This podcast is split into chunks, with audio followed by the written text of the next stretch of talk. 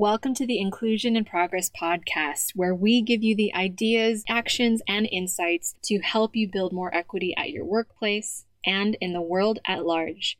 I'm your host, Kay Fabella, international expert on diversity, equity, and inclusion, a Filipino American living in Spain, and your guide in navigating this DEI journey.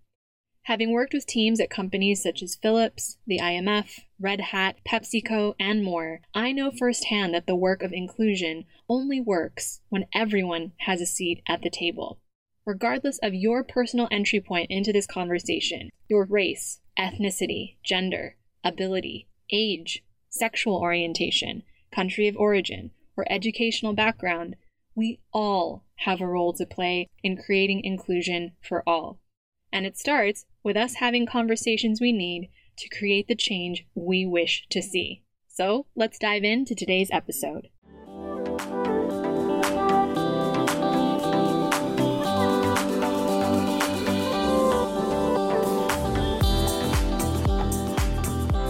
Hello, hello, and welcome back to the show, my friend. Now, if you are listening to this in real time, you will notice that this episode is coming out on a Friday instead of our previous Wednesday episode schedule. Now, as our client partnerships and team continue to grow, we have moved our podcast publication date to later in the week. And our hope is that this new schedule actually give you a fresh download for your weekend walks, your runs, your hikes, or slow moments cooking with us in the background at home. As many of you have shared, you are now listening to us as part of your weekend routine. And so we are moving this episode schedule to Friday instead of Wednesday. So please take note. And if you haven't already, make sure you subscribe to the show on your favorite podcast player so you do not miss out on an episode. Now, Inclusion in Progress is on a mission to help empower millions of people around the world to create greater inclusion and equity at work and in the world. And every download, rating, and review helps get this show into more hands or more earbuds, as it were, to help us achieve that mission. So, if you are a longtime listener and haven't done so already, please take a moment to leave us a review, especially over on iTunes. And we'll be sure to leave a link in the show notes to help you do just that. Now, in addition to scaling our team up to serve clients from Red Hat, the IMF, Instagram, and more, I'm going to be honest with you. The past couple of weeks have knocked me sideways. Now, on top of client delivery, team onboarding, and of course being on the front lines of DEI with peers I care for, I've been grieving. And I'm about to peel back the curtain here on some multi layered, hard emotions. So be forewarned and bear with me. To give you an idea of the layers of grief that I've been having, I grieve for my Asian American and Pacific Islander, or AAPI, brothers and sisters who watched our stories erased for centuries or fall on deaf ears until the attacks in Atlanta, who are still told to this day by majority and other historically excluded groups that we're the model minority and therefore can't possibly be suffering. When the first legal acts of institutional racism in the United States actually targeted Chinese immigrants in the 1800s when our community spans a diverse range of experiences across over 40 nationalities, even occupying the largest wealth disparity in the United States, where the poorest among us tend to be our senior citizens, who've continued to be the primary victims of anti Asian violence since the start of the pandemic. I grieve for the fact that many in the AAPI community are first or second generation immigrants like myself, who have assimilated into the majority US culture for their own survival, and are only now beginning to recognize that pretending or striving to be white and operating by white rules won't save you when people who look like you are blamed for a virus. I grieve for my Filipino parents, who renounced their passports to call the United States home over 30 years ago, who are now afraid to leave the house they raised me in back in my home state of California. I'm worried for my dad, who came to the US as a doctor, but who, without his lab coat on while driving, is also a likely target for harassment rooted in xenophobia. As you may remember way back in episode two of this very podcast, it wouldn't be the first time that my dad, now on the front lines fighting COVID 19 alongside other Filipino medical professionals who immigrated to the US, has experienced racism in his adopted country. I grieve for how, like many immigrant parents, mine also sacrificed everything and instilled high standards of excellence in their American born children rooted in their knowing that we'd have to work three times as hard to thrive and succeed in a society that would always physically identify us as outsiders. I grieve for my black colleagues in diversity, equity, and inclusion. Reeling from the violent arrest of Lieutenant Caron Nazario, the murder of Daunte Wright, the UK race report, the trial of Derek Chauvin, the fast approaching anniversary of George Floyd, who all sit in compounded trauma week after week after week. The fact that in preparation for this very episode, I've actually had to update this script with new events makes me angry to no end. I watch their incredible resilience that they have to exhibit day after day just to exist in the world, and desperately wish for a planet that demanded less of their resilience and made space for more of their joy. I grieve for how my own personal relationships over the last few weeks have been challenged, with mostly white expat friends and my Spanish in laws alike, as I share experiences with xenophobia and fetishization for the first time. Two mixed reactions. Everything from attempts at erasure or invalidation of my experiences. Someone saying to me, But these two Chinese strangers that I know said they've never experienced racism before. Yep, that was a close friend telling me to calm down because, quote, people in the world are dying from other things than racism, accusations of oversensitivity, or in some cases, just plain silence. Again, it is not anything I can fault anyone for. It is a system of behaviors and biases working as they've been designed to operate. But as one individual who hoped for respite among those who were closest to her, it's been jarring to sit in the complexity of your own humanity, to share bravely things that you've been through for the first time, and finding others unable or unwilling to hold space for you when you're at your most vulnerable. So, yeah, this is a slice of my current seven layer grief cake. the only thing that I can do is be gentle and patient as I navigate these emotions in the face of something that will not change overnight with the help of my self care toolkit, safeguarding my time to rest and recharge, welcoming people who will hold space and protect my peace, letting go of those who won't, while leaning on a trusted, qualified mental health professional to guide me through.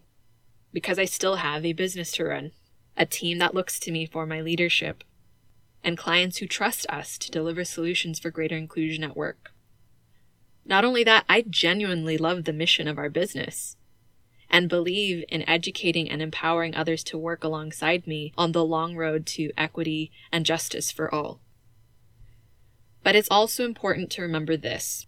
You cannot divorce the work of diversity, equity, and inclusion from institutionalized dehumanization, especially when there are intersecting systems that have been allowed to thrive on oppression of so called other or minority groups, which carry over into how people show up inside of organizations.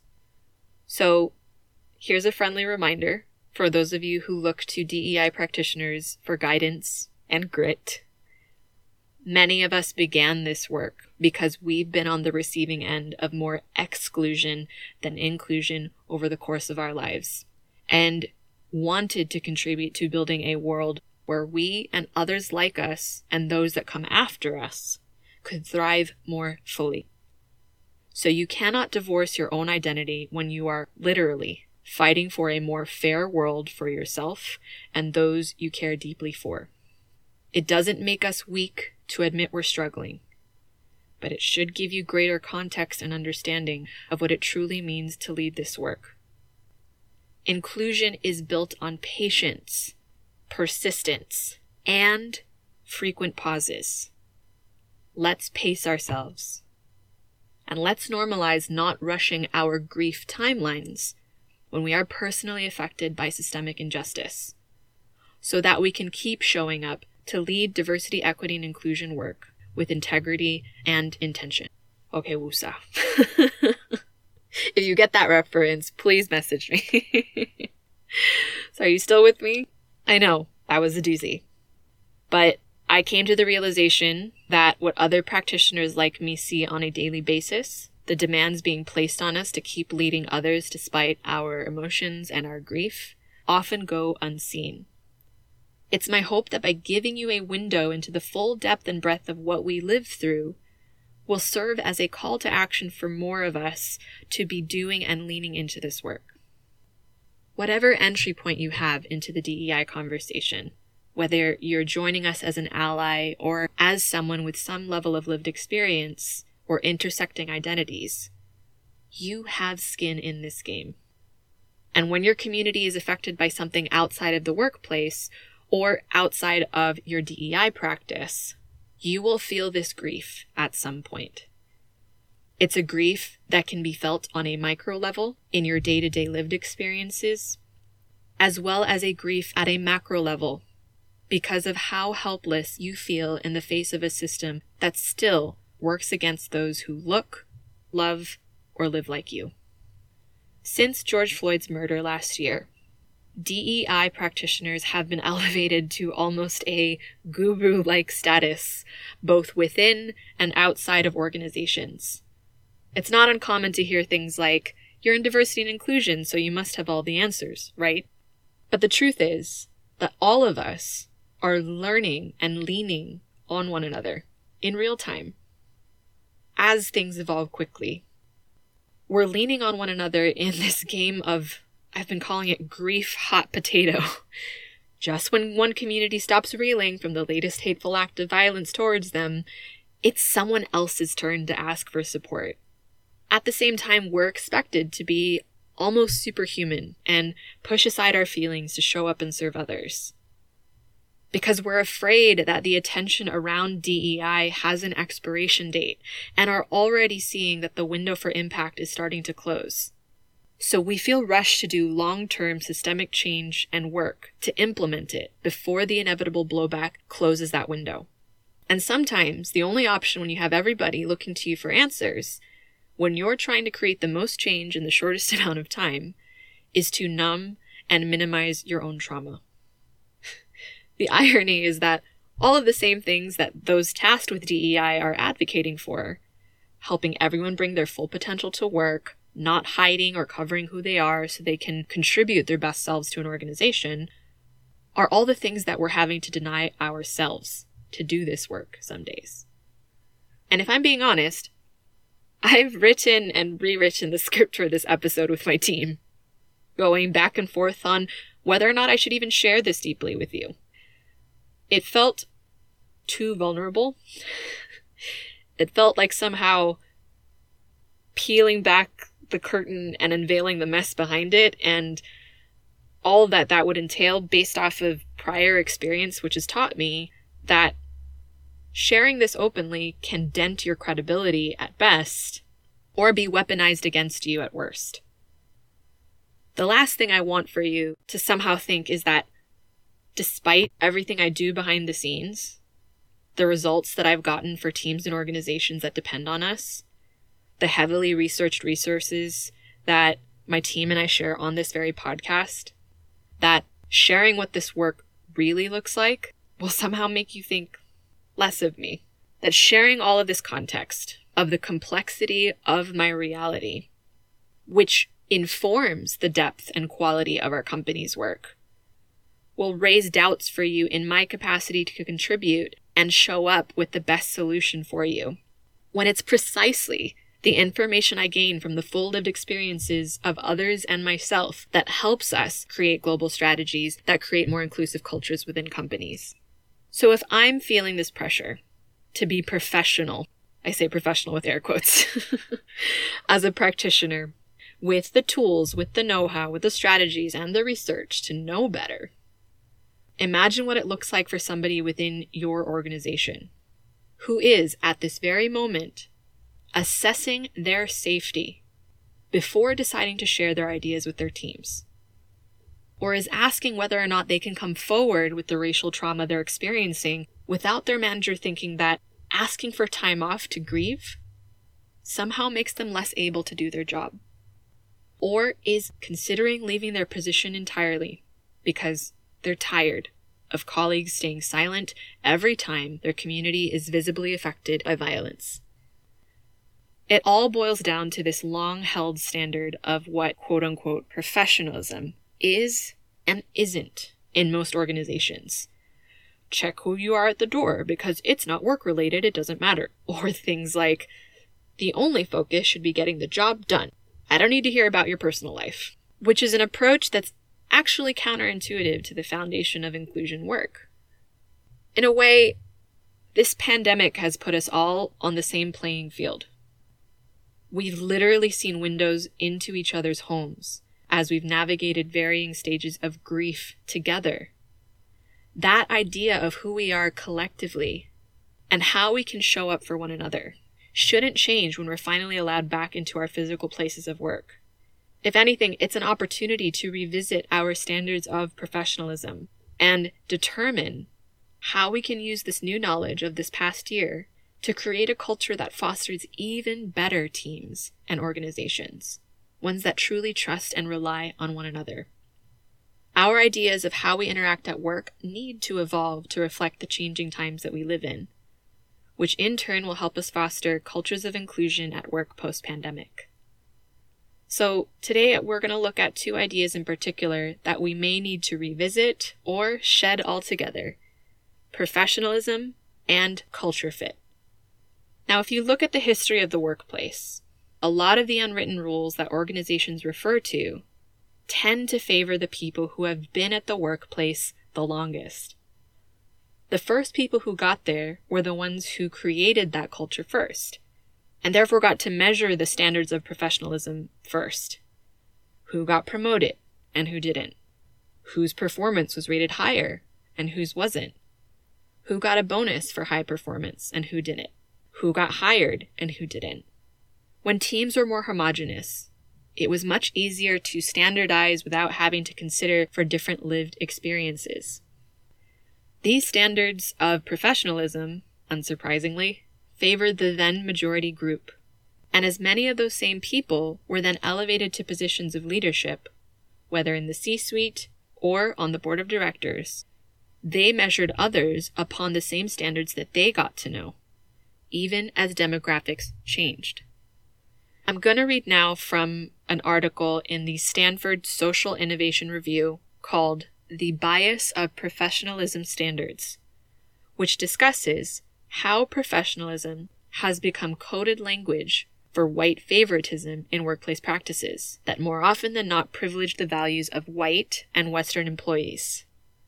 Quote, According to American scholars Tema Okun and Keith Jones, professionalism standards are heavily defined by white supremacy culture, or the systemic, institutionalized centering of whiteness. In the workplace, white supremacy culture explicitly and implicitly privileges whiteness and discriminates against non Western and non white professionalism standards related to dress code, speech, work style, and timeliness. The article continues quote, White supremacy culture at an organizational level is apparent in things such as the belief that traditional standards and values are objective and unbiased, the emphasis on a sense of urgency and quantity over quality, perfectionism that leaves little room for mistakes, and binary thinking, which makes bringing up challenging or nuanced ideas more difficult. These values underpin what we consider professionalism today, which plays out in the hiring, firing, and day to day management of workplaces around the world.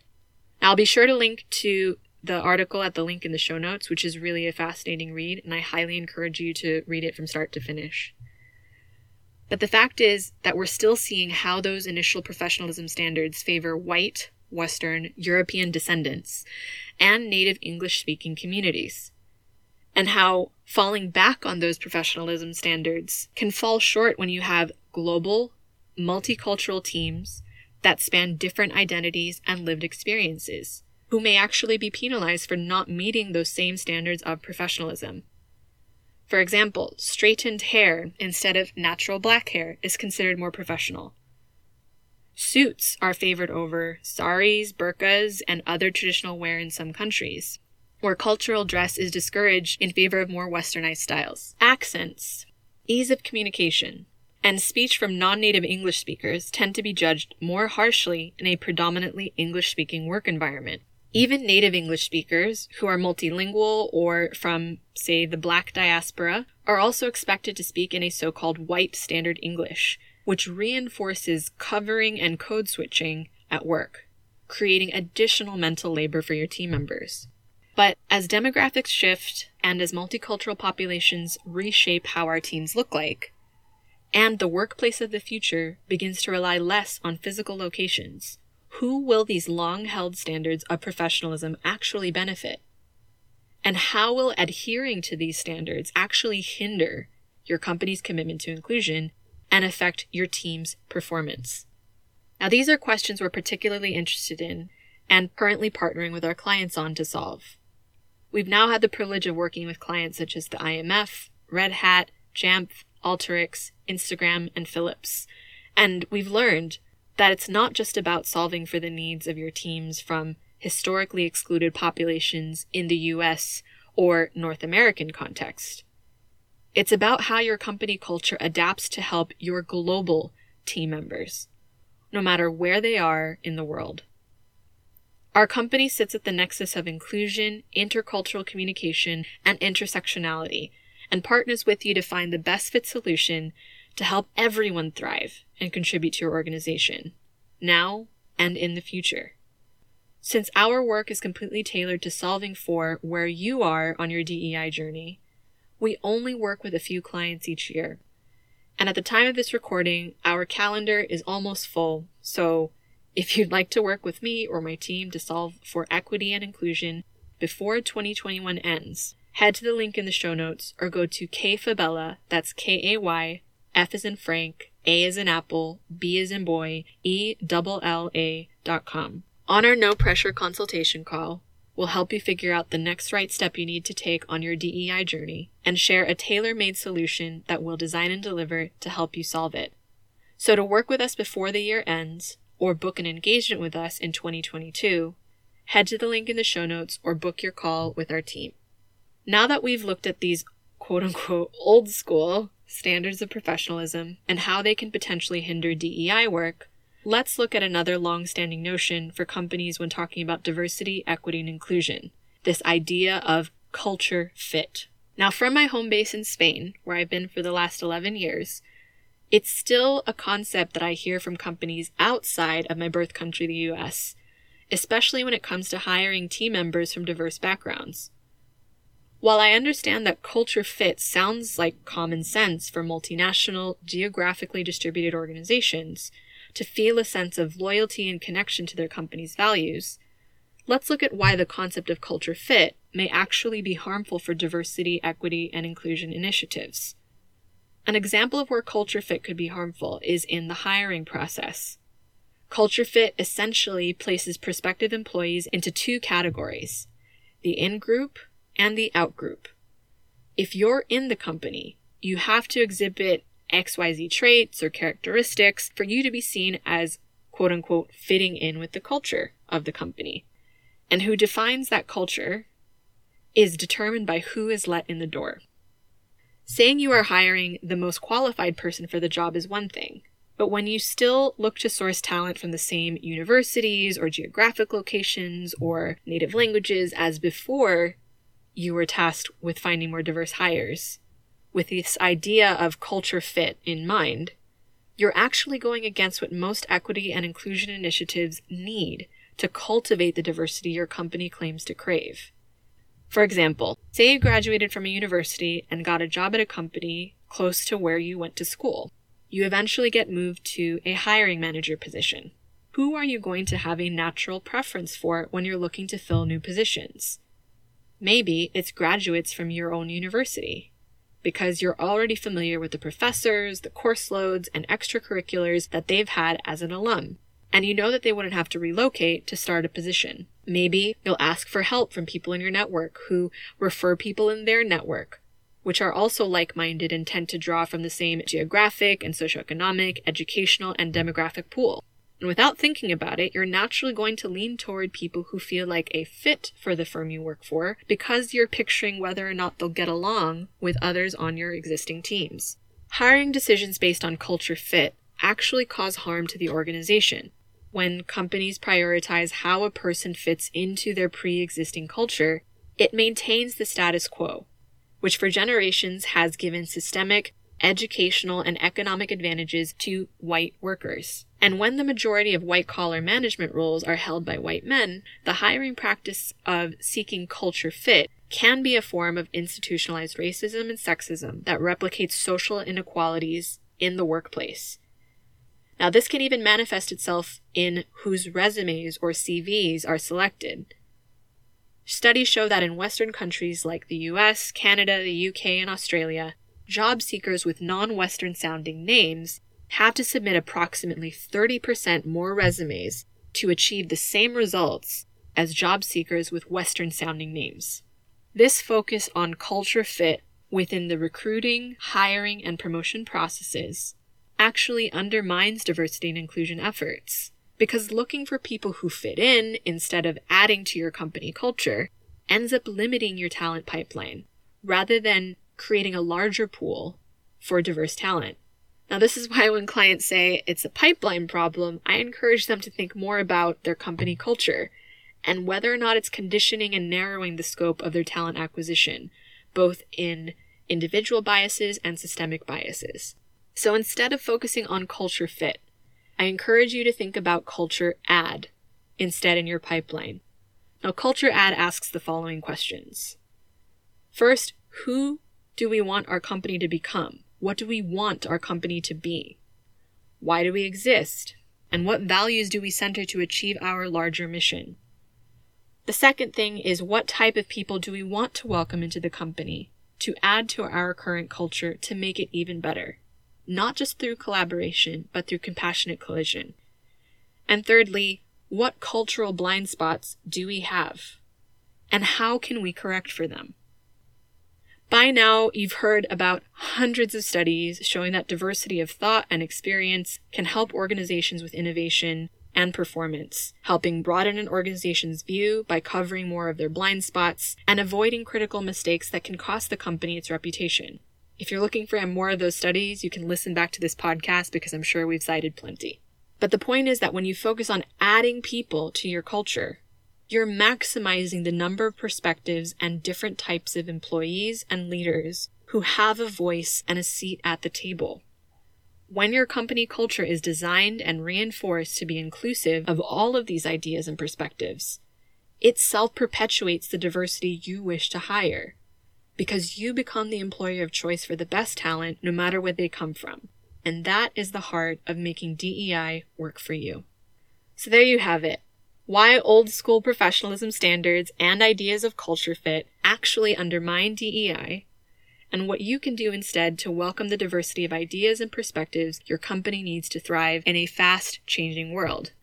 Now, if you can't tell by now, I have a personal and professional vested interest in seeing your company create more inclusion at work.